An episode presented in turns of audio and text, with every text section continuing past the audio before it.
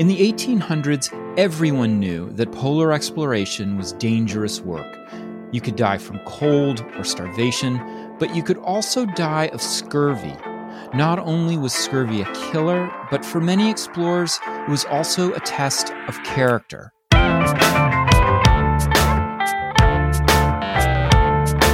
It's time to eat the dogs. I'm Michael Robinson.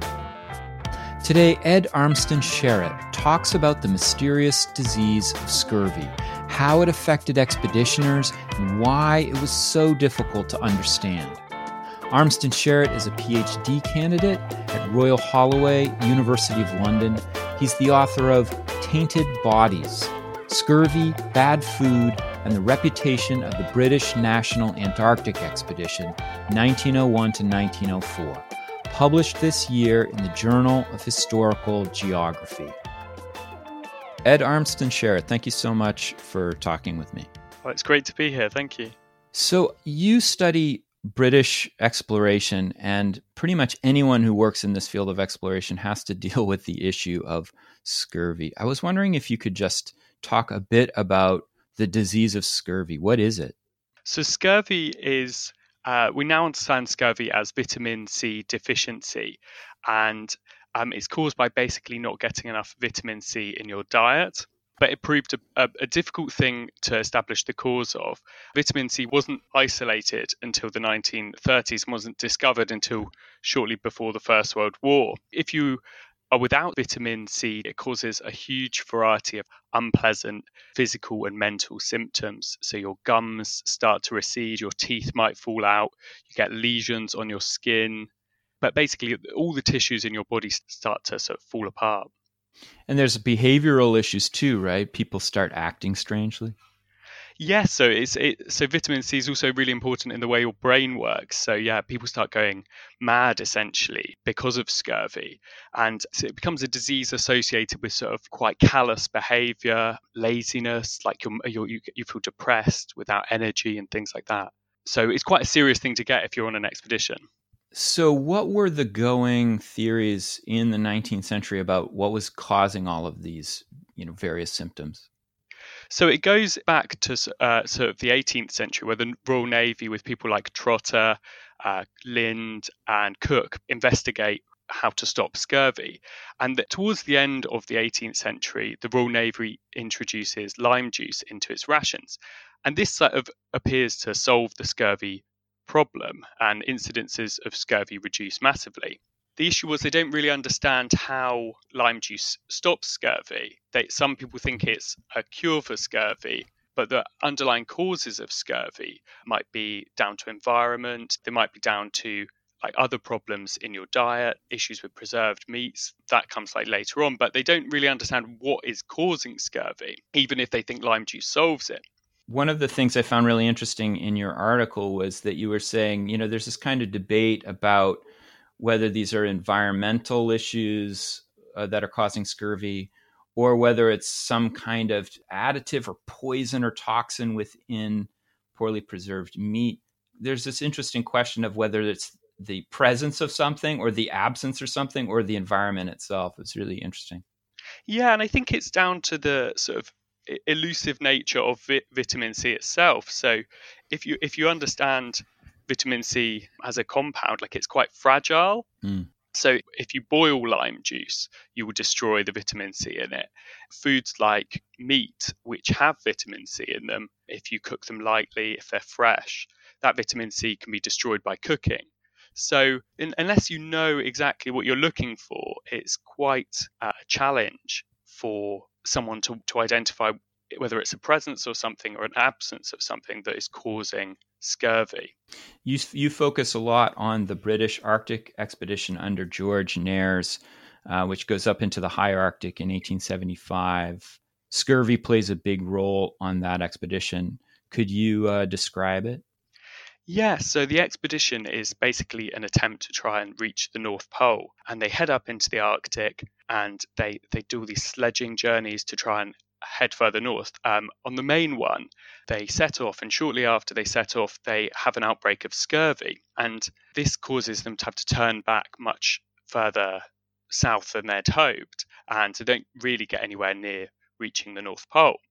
Now, the issue was that while they were on the ships, the uh, officers and men had been issued lime juice, but they didn't take much lime juice with them on their sledging journeys. So mm. when they get back, and there's been this huge outbreak of scurvy on the expedition, I think uh, four people died. Over half the crew of the expedition had scurvy at some point.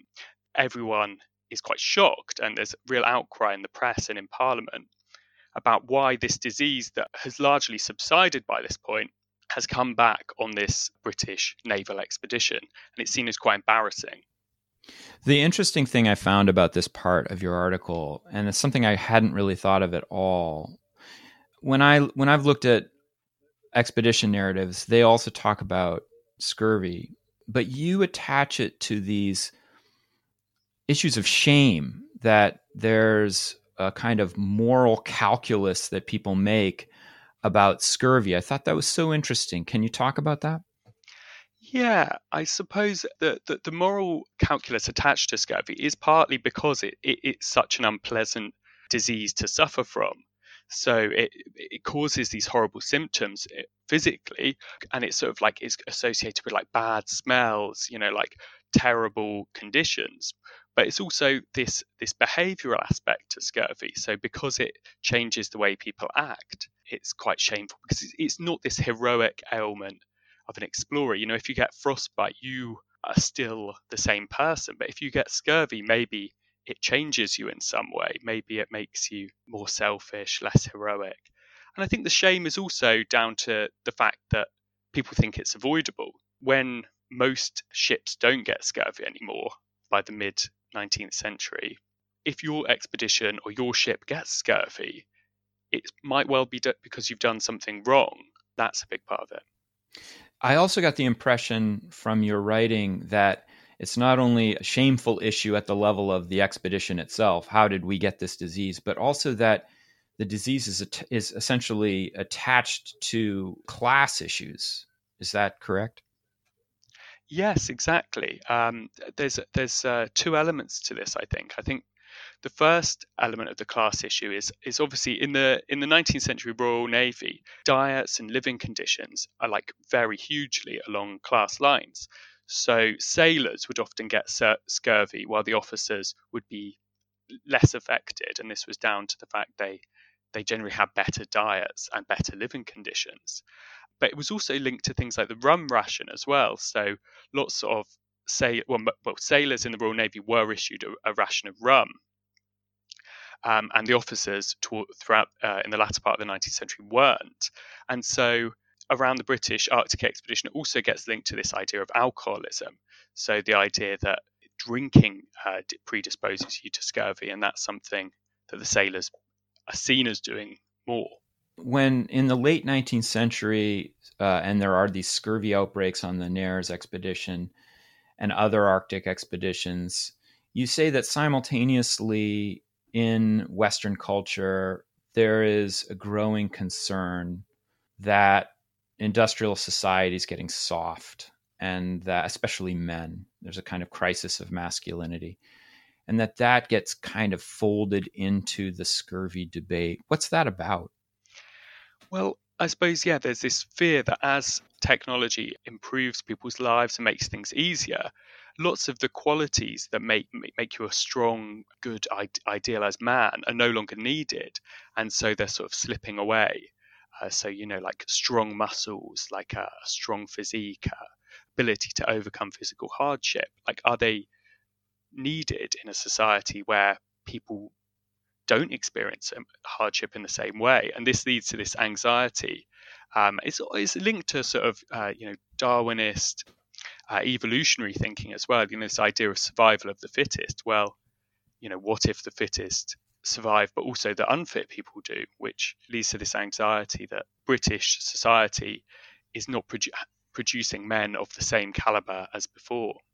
There's this great point in your writing where you are describing how scurvy is kind of looked down upon as this not just a physical disorder, but almost a moral disorder, that it gets attached to drinking too much or being being working class. And then you have people in the late 19th century like Sir Clements Markham who are saying, "Wait a minute, this is this isn't because people are uh, morally deficient. It's because these expeditions are so hard."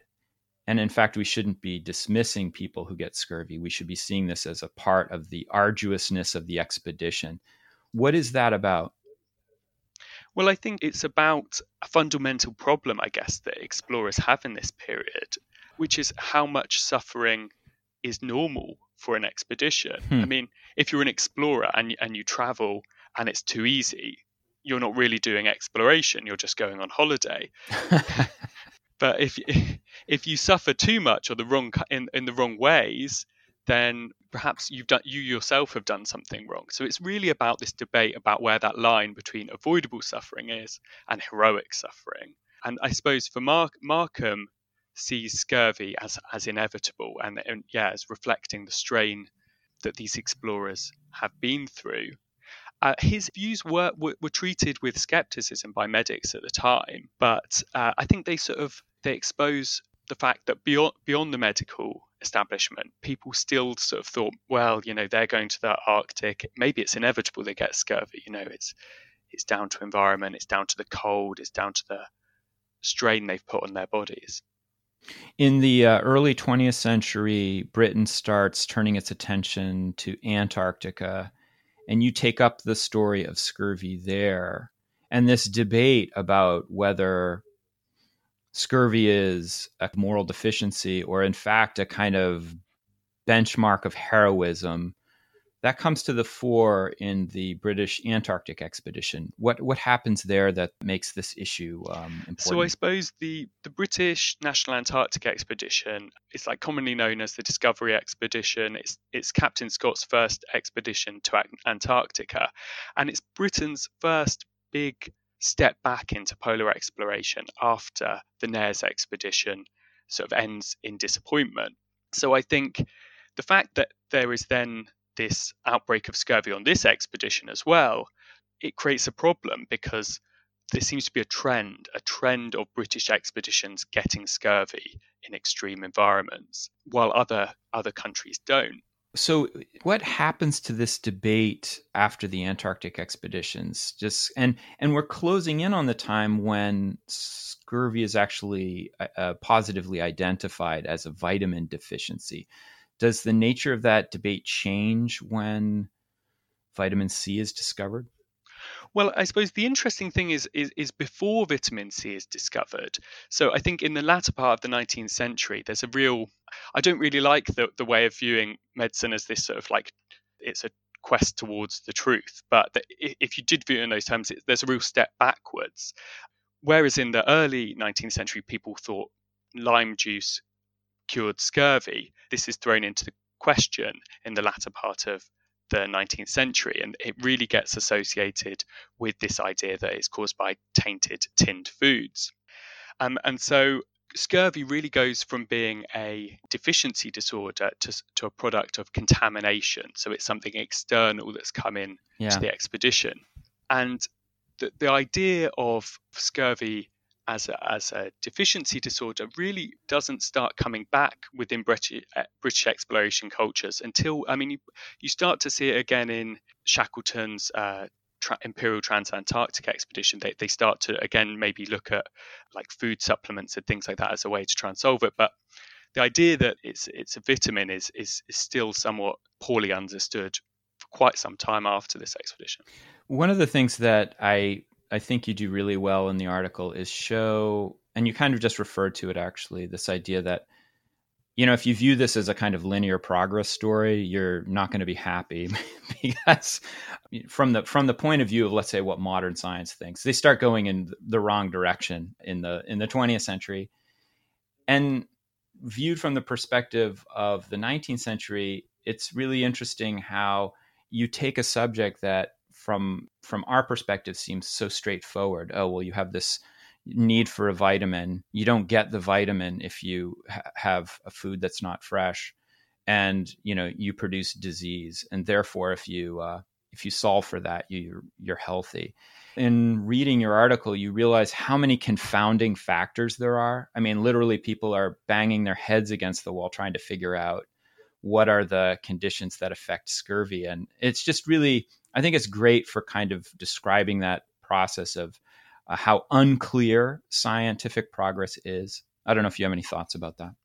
Yeah, and I suppose uh, some of that goes down to the way they were doing scientific research. So I suppose expeditions become a way of testing out what the causes of scurvy are in a way. So, you know, if you think about the expedition, it goes into the Arctic or the Antarctic, and there's there's less confounding variables there perhaps than there are in a big urban centre. So so medics kind of use these expeditions as a way as a way to construct arguments about what the causes of scurvy are.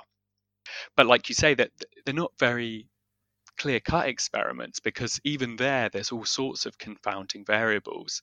So I think yeah, finding out what the cause of scurvy is is confusing.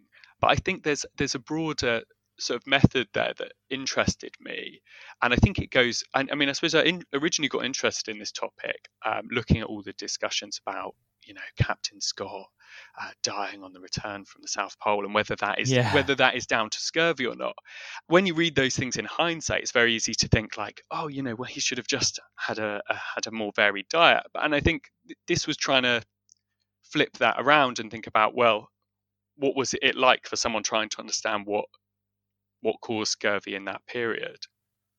It made me reading this. It made me reflect upon something that I've taken as true, and now I'm wondering if it really is true, which is it seems that it's really in 20th century exploration, especially let's say the space age or underwater exploration, where scientists become really obsessed with the physiology of the human body I, I, guess it goes earlier than that to let's say high altitude medicine in the in the early 20th century as well. But so I've always thought that this is the point at which people are not only interested in let's say what explorers are discovering in the field, but what's happening to the explorer's body physiologically. And you're really attaching this to earlier events and and saying that uh, no, this this body is something that's of deep fascination for people in the 19th century. Do you think we need to move this story of scientific interest in the explorer's body back further in time?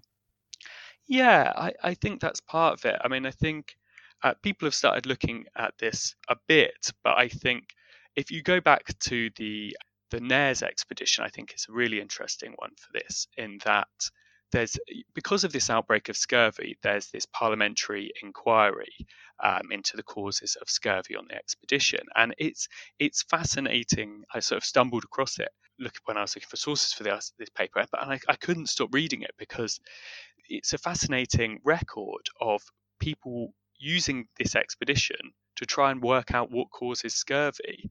Um, and because it's a parliamentary inquiry, like all the evidence is collected there. You've got testimony from different medics speculating on these explorers' bodies, and also testimony from the explorers themselves, like reflecting on the experience. And, and that certainly changed attitudes towards the causes of scurvy, but also other things like alcohol and in another paper I'm working on at the moment, I look at how this expedition became a sort of test case for the effects of alcohol in, a, in an extreme environment. One of the things I was thinking about as I read your Antarctica work was uh, Jason Anthony's book, Hoosh, which is uh, about essentially a kind of history of Antarctic expeditionary food. Yes. I was wondering if you, and, and I know that your project is different insofar as it's not clear that food is the cause of scurvy. It's maybe clear only in retrospect. But I was thinking that the t- your piece and his piece fit nicely together, as well as this, I think, increasing interest in exploration studies around material culture, including explorers' bodies. What do you see as the, I guess, the issues going forward in this kind of study? Well, I, one of the things I, am grappling with at, the moment is also the, the question of how you source and research this stuff. Mm. So I suppose one of the challenges I found was that so much of the explorers writing about this sort of stuff is is written with a concern about public opinion, about their scientific reputations in mind. And I think there's a challenge there in terms of engaging with explorers' texts as more than just, you know, like representation. They're not just storybooks, they mm-hmm. did actually go and do these things. But at the same time, you always have to treat what they're saying perhaps with a, with, with a pinch of salt. You know, they're, they're writing, even in the field, I think, hmm. concerned about their their reputation, concerned about how these things are going to play out.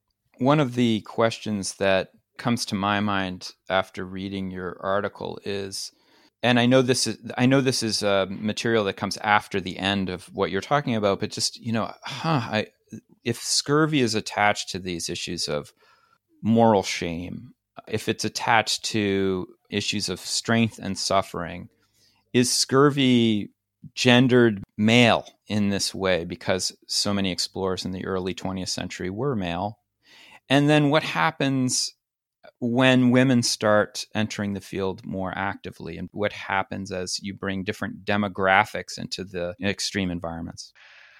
Yeah, I mean, it's not something I've looked at a huge amount so far, but I think it's an interesting question. I think one of the one of the things I, I, I did come across in writing the paper, and I suppose it's a different point, but it also gets it is how scurvy gets linked to this question of you know like hygiene and civilization some medics, you know, who travel to the Arctic are quite dismissive of the fact that some like indigenous Arctic communities suffer from scurvy more than Europeans and suggest that it's down to, you know, the failure of their hygiene and things like this. So, in the sense that scurvy is gendered male, it's it's also racialized. I think it's gendered male, but it's not unproblematic. If you see what I mean, in the sense that it, it weakens the male body so I think it's it's gendered male, but it's very much linked to this anxiety about the vitality of the male body rather than its security. So how does the scurvy story fit into the broader story you're trying to tell in your dissertation? The broader subject I'm looking at is the role of explorers' bodies in their public and scientific reputations. And I think what I tried to do with this paper was to think about know the tension between explorers' roles as heroes and their roles as scientific researchers. And I think you know the British National Antarctic Expedition and the issue of scurvy are like a, a good case study to start that discussion. But I think in my dissertation, I'm taking that somewhat broader. Um, and in say in the chapter I'm working on at the moment, I'm sort of expanding out this idea of suffering, and, and I'm thinking about how this these abstract ideas of suffering get mapped onto different parts of the explorer's body. So the muscles, the skin, the hands, the feet, things like that. Um, and so I'm thinking, I think in this paper, what, what I didn't manage to do that I, I think I'll do in the next one is to break the explorer's body down further. You know, how different aspects of it get used to tell quite different stories. Hmm. Yeah, I was thinking about Elisha Kent Kane, the American Arctic explorer, as I was reading your article because he, as you know, suffered from rheumatic fever. I think as an early man before he went into the Arctic, and but it but it became inflamed when he was in the Arctic. So he was a rather short man. He was rather pale. His his heart function wasn't good to begin with, and in the Arctic he would show signs of rheumatic fever. And when he ended up coming back to the United States and dying a few years later from rheumatic fever, he was praised up and down. In fact, it was almost as if the eulogists were they let, us say they emphasized his physical frailty uh, to make a bigger point about his character as a man. And so I was thinking about that and I was wondering how that fits into this issue because clearly people are talking about how much he's suffering but they're also playing up how weak he is in order to talk about his suffering. And uh, certainly in the at the beginning of the 20th century, the, these explorers like Robert Peary and probably uh, Scott and Shackleton as well are portrayed as being these buff, rugged explorers in the field.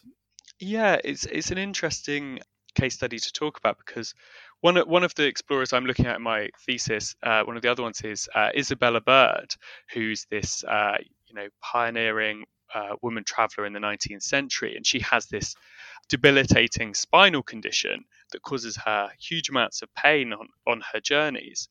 And in a very similar way, lots of the obituaries of her talk about her achievement being overcoming this physical weakness. But I suppose it's precisely this point that is the tension, if you see what I mean, that I'm kind of looking at. Is heroism located in the body or in the mind? Yeah. And and how do those two interact? I think it also it also changes across environments. So I think British Antarctic expeditions in the run up to the First World War are are very are, more focused anyway on on this idea of the you know the explorer as this rugged masculine uh, naval officer figure. But it's it's different if you look at different environments and different periods. So if you look at some of the earlier expeditions I, am looking at, say, you know, uh, John Hanning Speke and Richard Burton when they go to East Africa to look for the source of the Nile. And I think if you read their account next to, say, Scott's account, what I think is quite interesting is, is the amount of time they're carried, the amount of time they are just incredibly weak with fever. You know, their achievement is going on despite being carried, yeah. Know, despite physical breakdown and, and seeing things. Whereas Shackleton on the British National Antarctic Expedition sees the suggestion that he's been carried as incredibly emasculating. Huh. Whereas I think early explorers maybe had less concern about that. Yeah. Ed Armston Sheret, thank you so much for talking with me. Thank you. That's it for today. The music was composed by Zabrat. Make sure you check out the Time to Eat the Dogs website for podcast links and other exploration related stuff.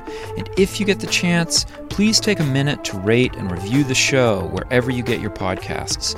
It really helps make the show visible to new listeners. And if you want to recommend a guest or make a comment, feel free to contact me at time to eat the dogs, that's one word, lowercase, at gmail.com. See you next week.